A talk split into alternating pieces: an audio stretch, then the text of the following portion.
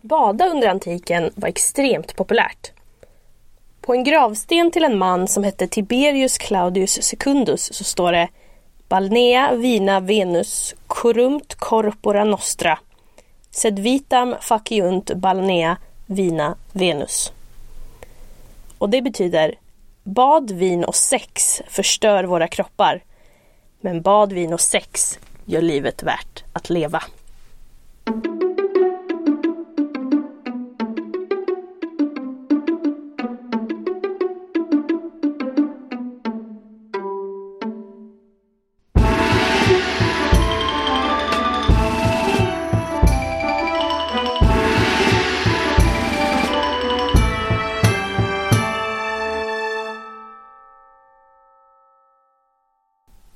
Hallå dagboken! Välkommen till Podius Castus, en podd om antiken. Och den här gången så är det jag, Emelie, som står för underhållningen. Idag har vi ett litet specialavsnitt. Vi ska nämligen följa med vår fiktiva romare, Gaius Podius Castus, till ett badhus. Men innan vi sätter igång så har vi en liten tävling där vi lottar ut en lycklig vinnare som får en bild på Gaius Podius Castus som Angelica faktiskt har målat. På Instagram så kan ni se hur den ser ut. Och tävlingen den är så enkel som att ni svarar på en fråga och så PMar ni oss på Instagram eller mejlar svaret. Tänkte ni på min hälsningsfras? Jag säger den en gång till. Hej hej, hallå dagboken! Var kommer den hälsningsfrasen ifrån?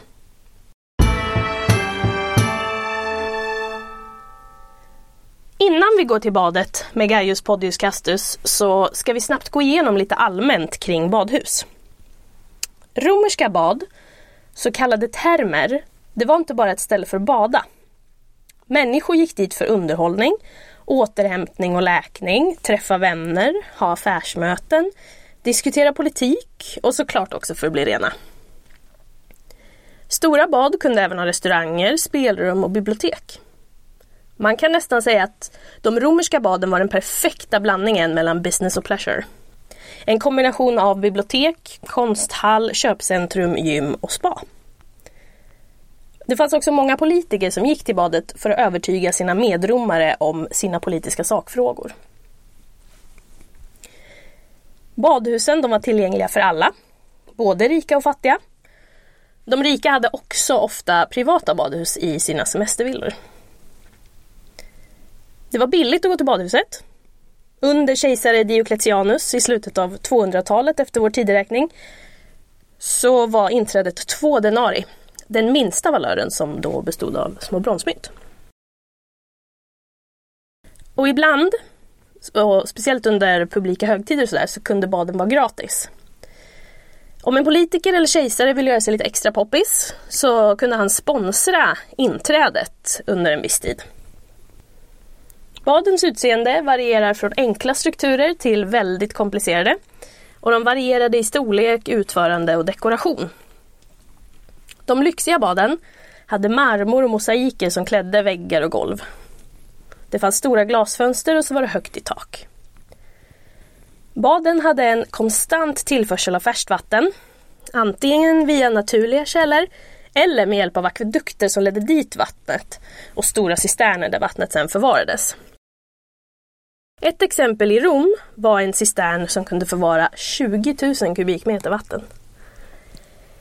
Man hade ett centralt värmesystem som kallas för hypokaustsystem. Eh, vattnet värmdes i stora blyvärmepannor som låg över stora ugnar och sen leddes det via blyrör till bassängerna.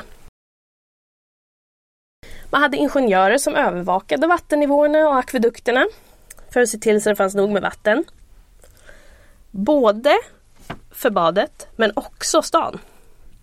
Man hade ju rör och avloppssystem under marken och rika romare hade rinnande vatten hemma. Själva badhuset då? Det var uppbyggt kring främst tre stycken rum. Ett varmt rum som kallas för tepidarium. Ett hett rum som kallas kaldarium. Och eh, ett stort kallrum med kallbad som kallas för frigidarium. Och gick man till badhuset då så börjar man i omklädningsrummet, apodyteriet. Sen gick man till tepidariet följt av kaldariet. Det heta rummet då för att basta. Och kaldariet det värmdes upp av varmluft som cirkulerade under golvet och in i väggarna. Det eldades på av slavar under badhuset. Och efter det så gick man till frigidariet för ett kallt bad. Efter några omgångar av svettningar och eller kallbad så gick man för att få en massage med parfymerad olja som sen skrapades av med en så kallad strigil. Det var så man blev ren. Man hade ju ingen tvål och olja löser fett. Och några fler rum då i badhuset. Apoditerium då som vi sa, omklädningsrum. Palestra som var ett motionsområde, eh, oftast utomhus. Natatio, swimmingpool utomhus. Lakonika och Sudatoria som var eh, heta, torra och våta svettrum. Tepidarium, det var, ett det var det här varma rummet som var indirekt uppvärmt. Kaldarium, det heta rummet som var uppvärmt med varmvattenpool. Och Frigidarium som var ett svalt rum, ouppvärmt med kallvattenbassäng. De här eh, frigidarierna de var ofta i monumental storlek och var badkomplexets hjärta. Sen fanns det även rum för massage och andra hälsobehandlingar. Och bibliotek. Och andra faciliteter kunde inkludera djupare kallvattenbassänger, privata bad, toaletter, bibliotek, föreläsningshallar, fontäner och trädgårdar.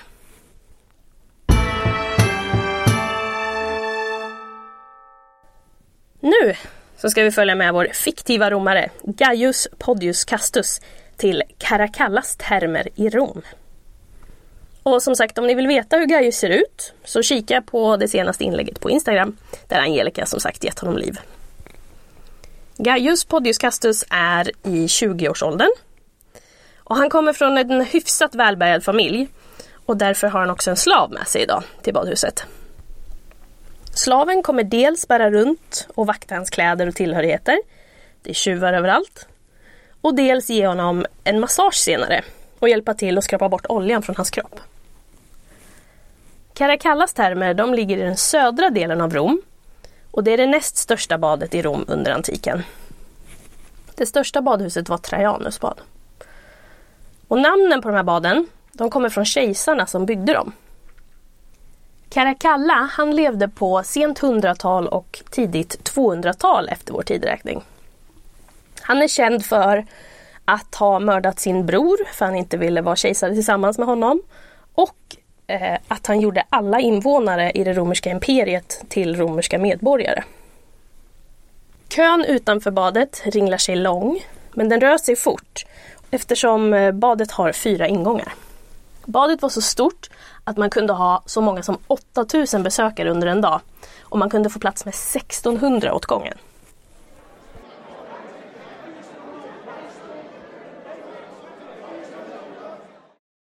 Besökarna består av män och kvinnor i alla åldrar och från många olika ekonomiska situationer och platser.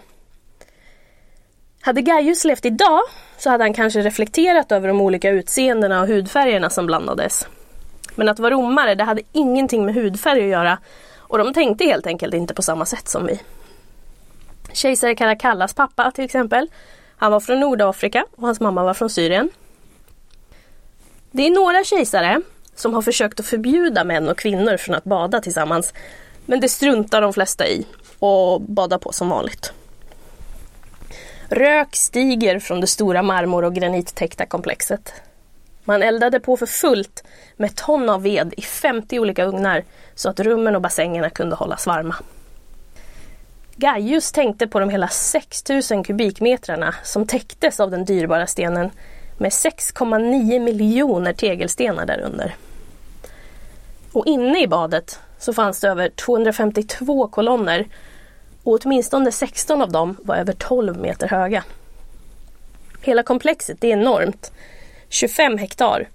Ungefär 337 gånger 328 meter. Och själva badet är 214 gånger 110 meter med en takhöjd på 44 meter i vissa delar. Man hade varit tvungen att skyffla bort enorma mängder jord och platta ut de omkringliggande kullarna för att kunna bygga det här badet.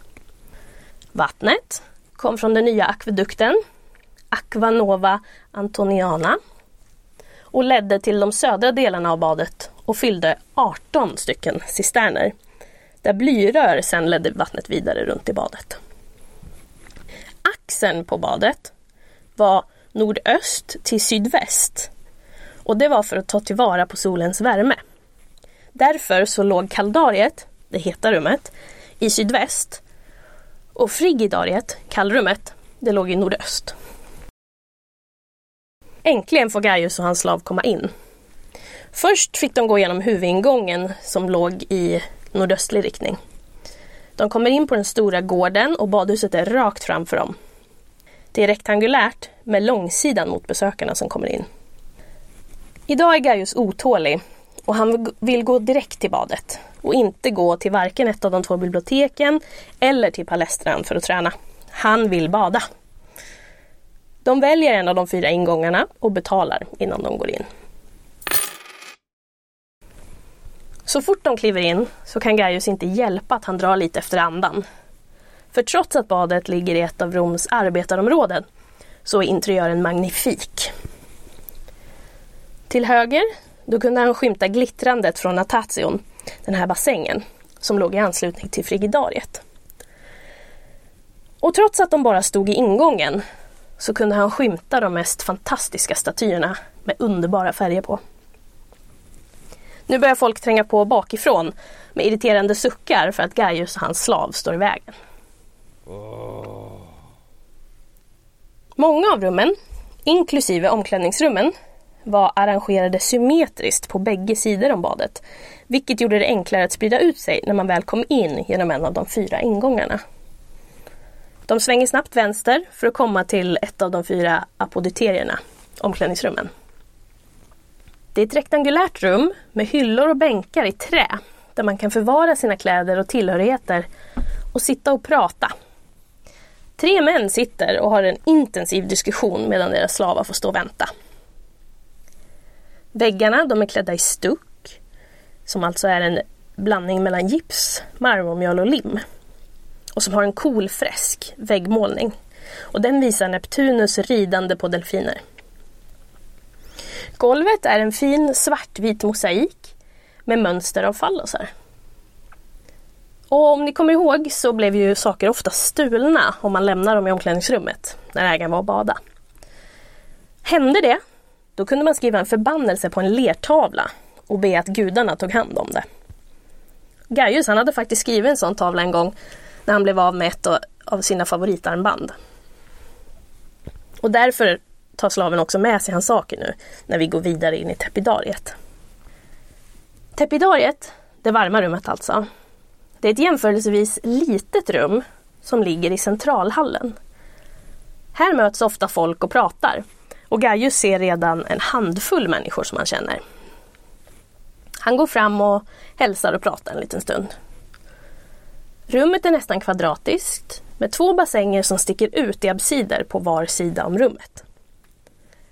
Nej, nu känner han att det är dags för att svettas lite och går till kalldariet, det heta rummet. Men innan så tar han på sig sina trätofflor så han inte ska bränna sina fötter på golvet.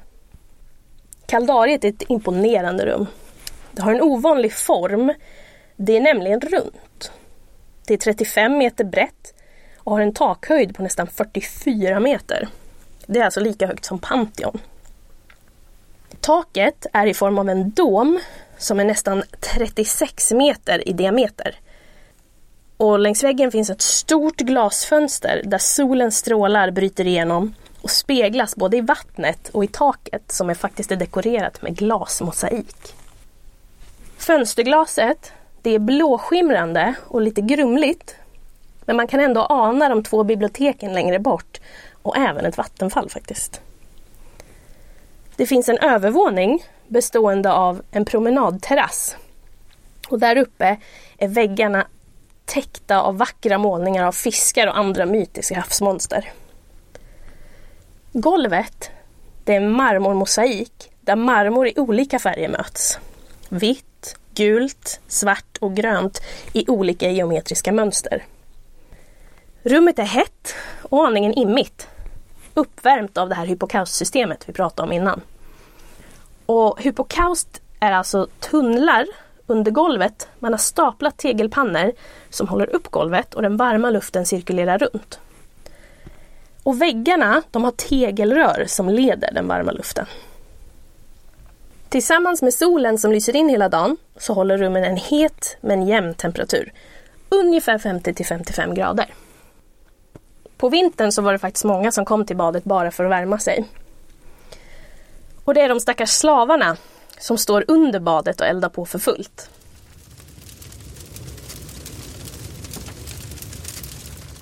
Men det tänker inte Gaius på, för för honom är detta normalt. Kaldariet har sju uppvärmda bassänger som är 9,5 gånger 5 meter och en meter djupa. I rummet så står också ett par 6 meter långa fontäner. Klapprandet från allas träsandaler dränks nästan i ljudet av alla röster i rummet. Och på marmorbänkarna så sitter folk och pratar.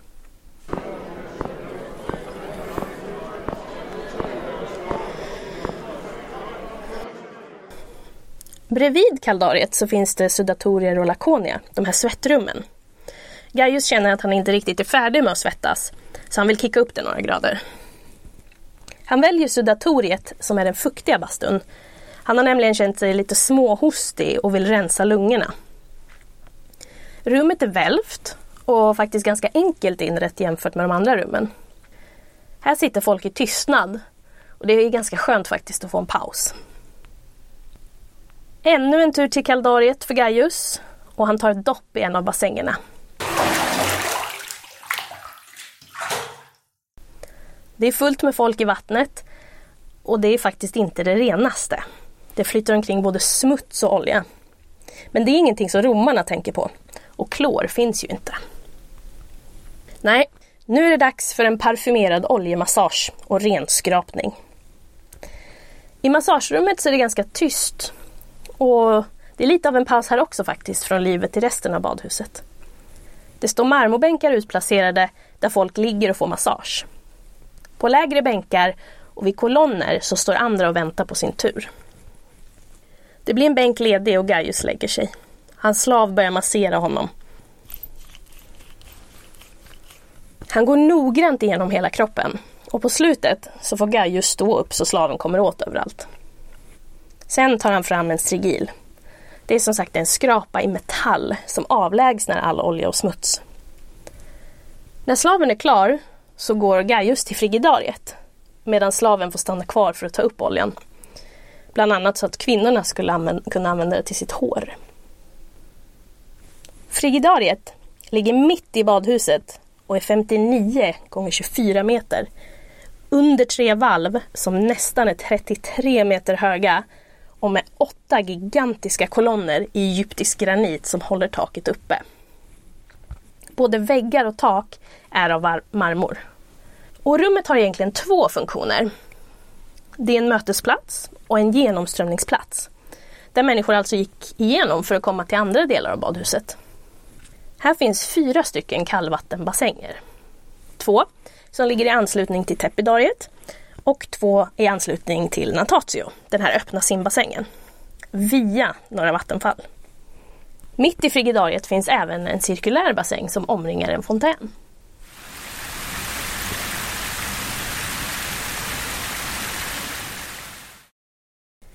I den nordöstra delen, det första man ser när man kommer fram till badet, det är Natation, simbassängen. Och den är 54 gånger 23 meter. Väggarna de är mer än 20 meter höga. Och den norra fasaden har tre enorma kolonner i grå granit. Mellan de här kolonnerna så finns det nischer där statyer står. Natation har inget tak, men den har stora bronsspeglar över bassängen för att undvika direkt solljus i vattnet. Gaius hoppar i. När han är färdigbadad så går Gaius en liten promenad. Han går förbi flera olika rum och bland annat palestran. Och I det här fallet så är palestran som en stor innergård med kolonner runt. Och palestran är alltså ett gymnasium, ett motionsrum där alla badare kan motionera. Här lyfter man vikter, kastar diskus och spelar olika bollspel. Både kvinnor och män motionerar här. En man står och lyfter tungt medan ett gäng kvinnor spelar boll. Och även fast det finns speciella brottningsrum i huset så är det några män som brottas lite längre bort. Och två kvinnor boxas för fullt.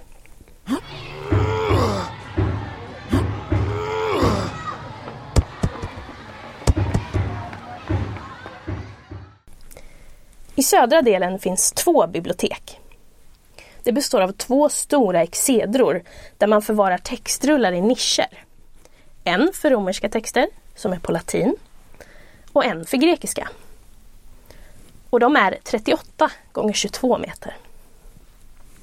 Golvet är i marmor och har bänkar som man kan sitta och läsa eller lyssna på någon som läser eftersom att alla läser högt.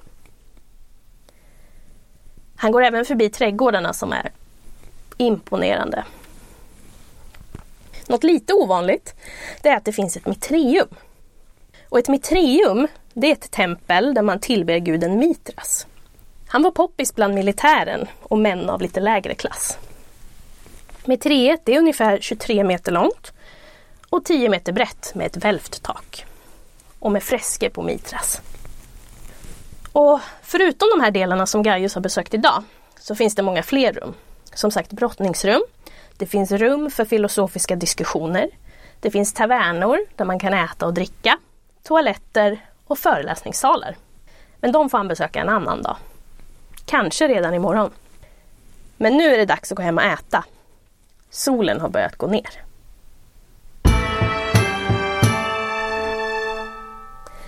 Då har vi varit på badhus med Gaius Podius Castus. Det var intensivt, men jag hoppas ni tyckte det var roligt. Och har ni några frågor eller synpunkter om avsnittet så skriv till oss antingen på Instagram eller mejla. Jag får tacka för mig så länge. Hoppas ni har haft kul. Tack för idag och på återhörande.